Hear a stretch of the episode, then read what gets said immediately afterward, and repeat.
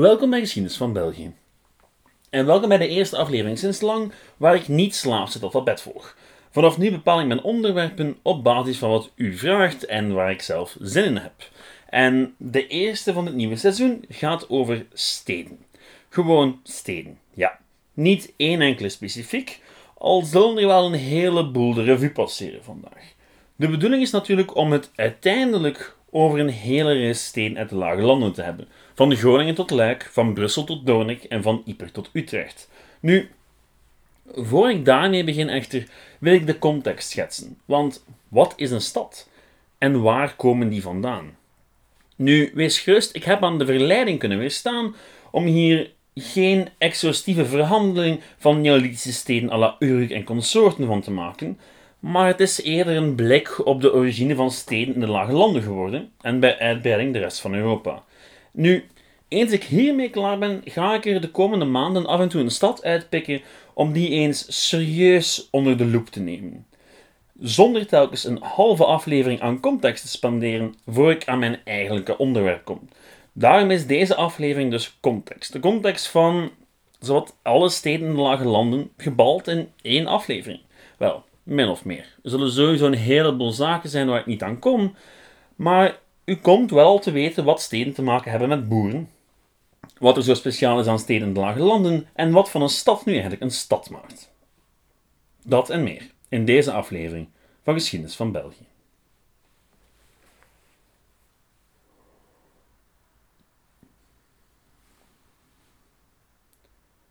Wat is een stad? Een simpele vraag zonder simpel antwoord. Je kan allerhande definities hanteren, maar tja, met moderne definities ga je niet zo ver raken als je steden van voor de 19e eeuw wilt behandelen. Want in de lage landen spreekt men meestal slechts van een stad vanaf 50.000 inwoners. Een aantal dat slechts weinig steden haalden voor 1800. Lang voor 1800 was een stad een plaats met stadsrechten. Over die stadsrechten daarover later meer. Maar de meest eenvoudige definitie van stad is deze. Een stad is plek waar mensen wonen met een eigen bestuurs- en verzorgingsstructuur. Wat hen onderscheidt van dorpen is de grootte van de plek, de mate waarin ze verbonden is met de buitenwereld en het aantal inwoners. Al is dat aantal inwoners ook alweer relatief aan de streek. wat men in de Sahara als een stad beschouwt, ja, is in Japan waarschijnlijk weinig meer dan een dorp. Dat hangt af van de lokale definities. En wel, dat geldt eigenlijk ook voor al die legendarische steden van vroeger. Er zijn maar weinige steden die vandaag als echt een grote of belangrijke stad beschouwd zouden worden. Zij het enkele opmerkelijke uitzonderingen à la Rome, Constantinopel en Bagdad. Neem nu die stadstaden in Mesopotamië. Je weet wel, diegene waar het allemaal mee begonnen is. Wel, die hadden op een hoogtepunt zelden meer dan 200.000 inwoners. Kleiner dan het huidige Gent of Utrecht. Zelfs het grote Babylon had op zijn hoogtepunt slechts 200.000 inwoners. Nu, in de millennia die volgden haalden Bagdad, Rome, Constantinopel en enkele Chinese steden wel af en toe de magische kaap van 1 miljoen, maar dat waren eerder uitzonderingen. De simpele reden daarvoor is dat je voor een stad iets nodig hebt waarin pre-industriële tijden moeilijker aan te raken is dan ons huidig tijdsgestel van overvloed. Zijn de voedsel. Veel voedsel. Want een stad is per definitie een plek waar mensen zich bezighouden met allerlei dingen, maar niet per se met de productie van hun eigen voedsel. Dat voedsel wordt tot op de dag van vandaag veelal ingevoerd van buitenaf. Want in de steden zit nu eenmaal zoveel volk en kennis bijeen dat men zich daartoe legt op zaken als technologie, kunst, bestuur en alle andere zaken waar je enkel interesse voor hebben kan als je maag al vol zit. Zonder moderne landbouwtechniek of organisatie was het dan ook heel moeilijk om zo'n stad in stand te houden. Of waren de bevolkingscijfers van sommige steden zoals Rome wel eens aan serieuze schommelingen onderhevig konden zijn. Naarmate het Romeinse Rijk groeide en steeds meer voedsel en andere grondstoffen binnennam vanuit de rest van het Rijk, groeide ook die bevolking. Tot een ongelooflijke miljoen en 200.000 inwoners rond het jaar 200 na Christus om daarna in te krimpen tot 35.000, jawel, 35.000 in de vroege middeleeuwen. En in 1870 was de stad nog steeds niet volledig hersteld van de val van het Romeinse Rijk. Die telde toen slechts 200.000 inwoners. of hoe de steden van vandaag op geen enkele manier te vergelijken zijn met die van vroeger. Oké, tot daar mijn algemene inleiding. Nu terug naar de lage landen. Een streek waar tot en met de komst van de Romeinen geen steden zouden verschijnen. Of toch in elk geval geen nederzettingen die wij als dusdanig zouden definiëren. Niet dat er geen mensen woonden, die woonden simpelweg niet in steden. Vanaf 500.000 voor Christus werden de lage landen sporadisch bewoond. Sporadisch, want ja, er waren ijstijden en dergelijke. En natuurlijk heb ik het niet, alleen over de Homo sapiens, maar ook door Neandertalers en consorten. Vanaf 4000 voor Christus ontstonden de eerste landbouwnederzettingen en dus ook de eerste plekken waar, na een tijdje, mensen zich met iets anders dan het verzamelen van voedsel zouden kunnen bezighouden. Professionele priesters, krijgers en ambachtslieden zagen zo het levenslicht, samen met een meer hiërarchische indeling van de samenleving. U weet wel, standen en zo.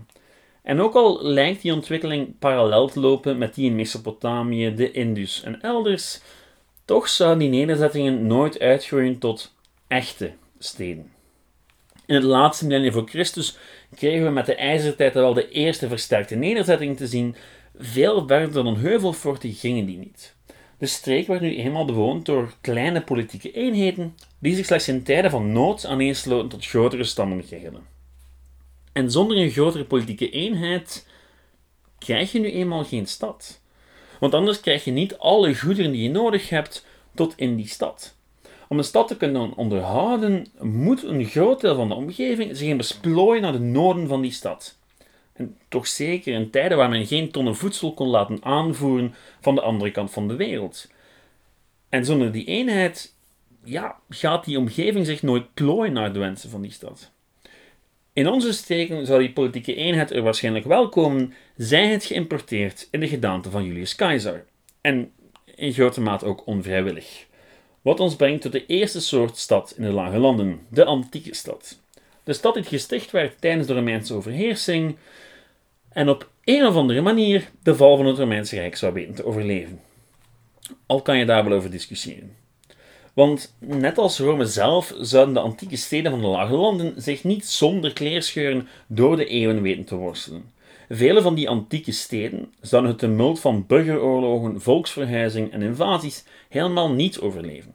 Denk bijvoorbeeld aan Nijmegen en Utrecht in Nederland.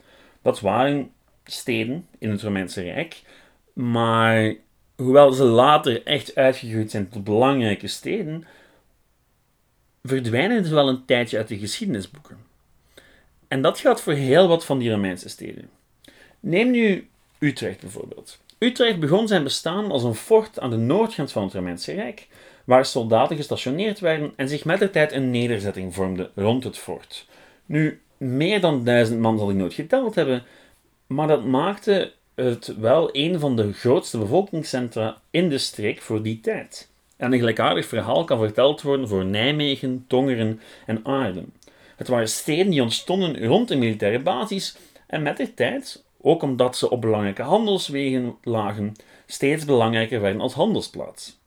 Met de val van het Romeinse Rijk en het wegtrekken van de Romeinse garnizoenen verloren die steden rond 400-500 na Christus wel hun bestaansreden en trokken in heel wat gevallen de bevolking weg.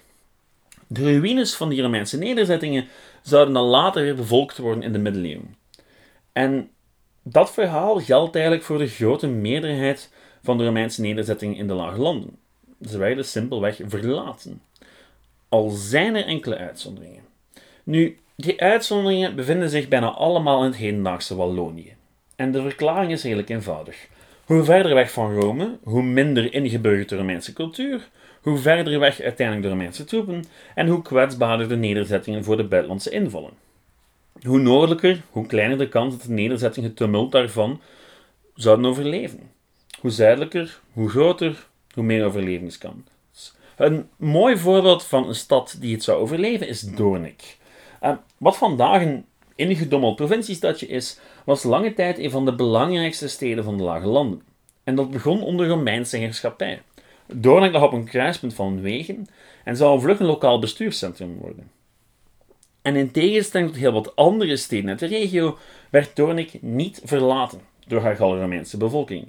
De stad werd dan wel geplunderd door de Vandalen en later ingenomen door de Franken, het zou een belangrijk politiek, economisch en religieus centrum blijven. En op een bepaald moment zelfs het centrum van het Frankische Rijk. Nu, dat verhaal komt nog aan bod in de aflevering over Doornik.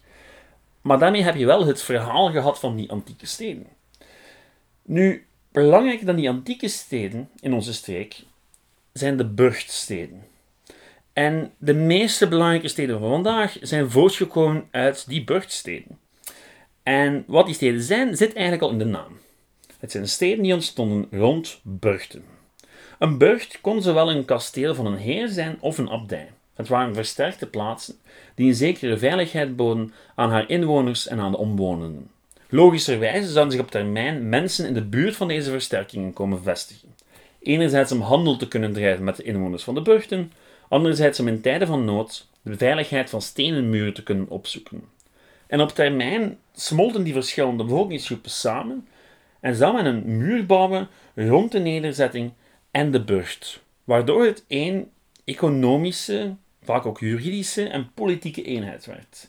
En dat proces voltrok zich in een heleboel steden. Steden zoals Antwerpen, Brugge, Gent, Mechelen, Breda, Nijmegen en zoveel meer. Vaak ontstond zo'n stad niet uit één centraal punt, maar uit verschillende nederzettingen die met de tijd naar elkaar toegroeiden en versmolten. Een mooi voorbeeld daarvan is Gent. Die stad is ontstaan uit een aantal verschillende kernen, elk met een eigen karakter. Was een kleine handelsnederzetting aan de samenvloeiing van Leien en Schelde, waar uiteindelijk een abdij werd gesticht, de Sint-Baafsabdij. En tientallen jaren later werd een tweede abdij gesticht, een eind verwijderd van de tweede, de Sint-Pietersabdij. En rond beide abdijen groeiden uiteindelijk nederzettingen, die in de 9e eeuw af te rekenen kregen met plunderende Noormannen. En het was de toenmalige graaf van Vlaanderen die besloot om ja, de lokale bevolking bescherming te bieden. En dat deed hij door een houten burcht te gaan bouwen, ergens tussen die twee abdijen. En ja, dat houten fort was uiteindelijk een stenen kasteel en bevindt zich op de dag van vandaag in Hartje Gent. Rond dat fort zou op zijn tijd ook een nederzetting komen en uiteindelijk groeiden al die verschillende nederzettingen naar elkaar toe en vormden ze één geheel. En eens zo'n stad een duidelijke vorm had, kreeg die dan ook stadsrechten. Wat me brengt tot wat in de middeleeuwen van een stad een stad maakte. Niet bevolkingsaantallen of muren, maar stadsrechten. Na de val van het Romeinse Rijk was de maatschappij relatief eenvoudig georganiseerd. Aan het hoofd stond een vorst, met daaronder graven, ridders en anderen, die door eden van trouw met elkaar en de vorst verbonden waren. Een heer oefende op zijn grondgebied gezag uit in functie van de vorst en was dan ook verantwoordelijk voor het spreken van recht, het innen van belastingen, het oproepen van gewapende troepen enzovoort. Eens er een stad ontstond op het grondgebied van een heer, werd het vaak snel duidelijk dat het voor die heer moeilijk zou zijn om die grote nederzettingen op effectieve wijze te managen. Dus bood hij de steden de kans om zichzelf te besturen, of eisten die steden dat recht. Nu, vaak kreeg men ook dat recht in ruil voor de nodige financiële compensatie. En die stadsrechten die gingen van het recht om eigen bestuurders te verkiezen, belastingen te innen, markten te laten plaatsvinden, tot het bouwen van stadsmuren. En de burgers van die steden kregen zo eensklaps veel meer bewegingsvrijheid. En zo konden die steden plekken worden waar gehandeld en geproduceerd kon worden, zonder rekening te moeten houden met de grafelijke rechten. Denk maar aan Brugge, Gent en Brussel, waar Engelse wol in laken werd getransformeerd en voor ferme winsten doorverkocht werd. Met al die rijkdom kwam ook politieke macht. Macht die vaak gebruikt werd om de eigen economische belangen te verdedigen. Tegen wie dan ook. Zij het de graaf, de koning, andere steden. Brugge en Gent bijvoorbeeld raakten meermaals slaags over het bouwen van kanalen. En beide gingen regelmatig in de clinch met de graaf van Vlaanderen en of de koning van Frankrijk. De Gulden Sporenslag bijvoorbeeld, die in de 19e eeuw voorgesteld werd als een episch gevecht tussen Vlamingen en de Franse koning, was eigenlijk vooral een conflict tussen de steden en de vorstelijke macht, waarbij die steden hun eigen rechten zoveel mogelijk wouden bewaren en daarom samen verzet plegen tegen de koning. En die graaf, wel, die speelde wel een rol, maar was eigenlijk vooral een speelbal tussen enerzijds de koning en anderzijds de steden. En die quasi-onafhankelijke steden van de Nederlanden, die waren een echte hindernis voor het centralisatiestreven van veel vroegmoderne vorsten. Denk maar aan de Bourgondische hertogen die keer op keer in conflict raakten met de steden. De steden zouden hun rechten zo lang mogelijk en zo hard mogelijk verdedigen, ook al moesten ze daarvoor heel vreemde allianties aangaan. Denk maar aan de allianties van de Vlaamse steden met de Engelse koning. Er zijn heel veel voorbeelden, voorbeelden die wel nog aan bod zullen komen in de komende maanden. Maar goed, uiteindelijk zou het centrale gezag aan het langste eind trekken en verloren de steden veel van hun onafhankelijkheid. De definitieve doodsteek werd de Franse Revolutie. En tegen dan waren de middeleeuwse steden van Waleer al getransformeerd. De meeste steden in de lage landen hebben tijdens hun bestaan meer dan één stadswal gekend. Naarmate de stad uitbreidde, moest die ook verlengd worden en verlegd worden. En als de oorlogvoering veranderde, met bijvoorbeeld de invoering van buskruid en dergelijke, moest ook de stad mee veranderen. En rond heel wat steden werden dus in de 16e en 17e eeuw heuse versterkingen neergezet, die nog een stuk verder gingen dan gewone stadswallen. Maar van die versterkingen zie je van de dag de dag bijna niks meer. Vaak werden ze neergeslaan toen de steden net ietsje te rebels waren, maar vaak waren ze ook gewoon overbodig geworden op termijn. Want de functie van de stad veranderde. En met die nieuwe functie viel ook het nut van versterkingen weg. Waar steden lange tijd politieke en militaire sluitstukken waren, werden het economische centra. Belangrijk, ja, maar voor de grensverdediging werden forten gebouwd, ver weg van de stad zelf. En de economische explosie, die gedreven werd door nieuwe landbouwtechnieken, nieuwe industrie enzovoort, liep samen met een demografische explosie. Niet alleen nam de bevolking exponentieel toe, een groot deel trok ook naar de steden. Steden die daardoor heruitgevonden moesten worden. Want ja, dat organische stratenplan met de grachten en kronkelstraatjes voldeed niet meer aan de moderne noden. En zo dus kregen de steden een heel nieuw uiterlijk. Eentje met massieve architectuur, grote avenues, fabrieken, overdekte grachten enzovoort. En daarbij denkt u misschien nog het beste aan Parijs, waar het neefje van Napoleon Bonaparte, Napoleon III, die hele stad liet heraanleggen. En onder hem werd Parijs werkelijk de lichtstad. Het hele boeltje werd er gemoderniseerd en alles wat in de weg stond moest eraan geloven. Niet enkel uit moderniseringsdrang, maar ook omdat het nu eenmaal veel praktischer was om om te gaan met de politieke onlusten van die tijd. Wat stadsarchitectuur te maken heeft met revoluties? Veel. Want in die smalle straatjes van de oude steden was het nogal moeilijk om een menigte uit elkaar te kunnen slaan. En zulke steegjes konden makkelijk gebarricadeerd worden en zo verzeilden militaire troepen al snel in een niet te winnen strijd in een stad, in een guerrilla-oorlog. Denk dan maar aan de Belgische revolutie van 1830, waar de Nederlanders door die barricades en die straatgevechten Brussel nooit volledig in handen kregen. Met de toenemende sociale onlusten aan het einde van de 18e eeuw, en vooral de 19e eeuw, waren brede avenues, waar je desgewenst een heel cavaleriekorps over kon sturen, veel aantrekkelijker. Avenues die dus over heel Europa werden aangelegd, ook in de lage landen. In elk geval toch in die steden waar de bevolkingsaantallen hoog waren. En hetzelfde geldt voor de massieve architectuur van die tijd. Zowel koningen, bedrijven als gemeentes lieten prachtige bouwwerken neerzetten die tot vandaag stadsgezichten tekenen. Zij het in de steden die relevant waren in die 19e eeuw. Want veel steden die aan het begin van deze aflevering nog aan bod kwamen, zoals Brugge en Mechelen, waren in de 19e eeuw verworden tot weinig meer dan slaperige provinciestadjes. Of waarom Brugge, in tegenstelling tot sommige andere van oorsprong middeleeuwse steden, een centrum heeft dat nog min of meer middeleeuws is. Als je de latere, niet volledig historische herstellingen niet meerekent natuurlijk. Feit is dat de steden van de lage landen vanaf de 19e eeuw constant in verandering zouden zijn. Telkens er een nieuwe technologische doorbraak kwam, werd die al snel toegepast in de steden. Of het nu om elektriciteit, spoorwegen, fabrieken, de auto of de fiets ging. Die zaken werden vaak snel toegepast in de steden omdat ze economisch zo belangrijk waren. En al even snel pasten de steden zich aan, met alle gevolgen van dien. Denk maar aan viaducten, denk maar aan vervuiling. Er zijn heel veel zaken die zich rond die steden gaan afspelen. Maar ik ga het laten bij deze korte inleiding voor deze week. Laat deze aflevering maar vooral als een algemene inleiding dienen voor alle steden waar ik het de komende maanden nog over hebben zal.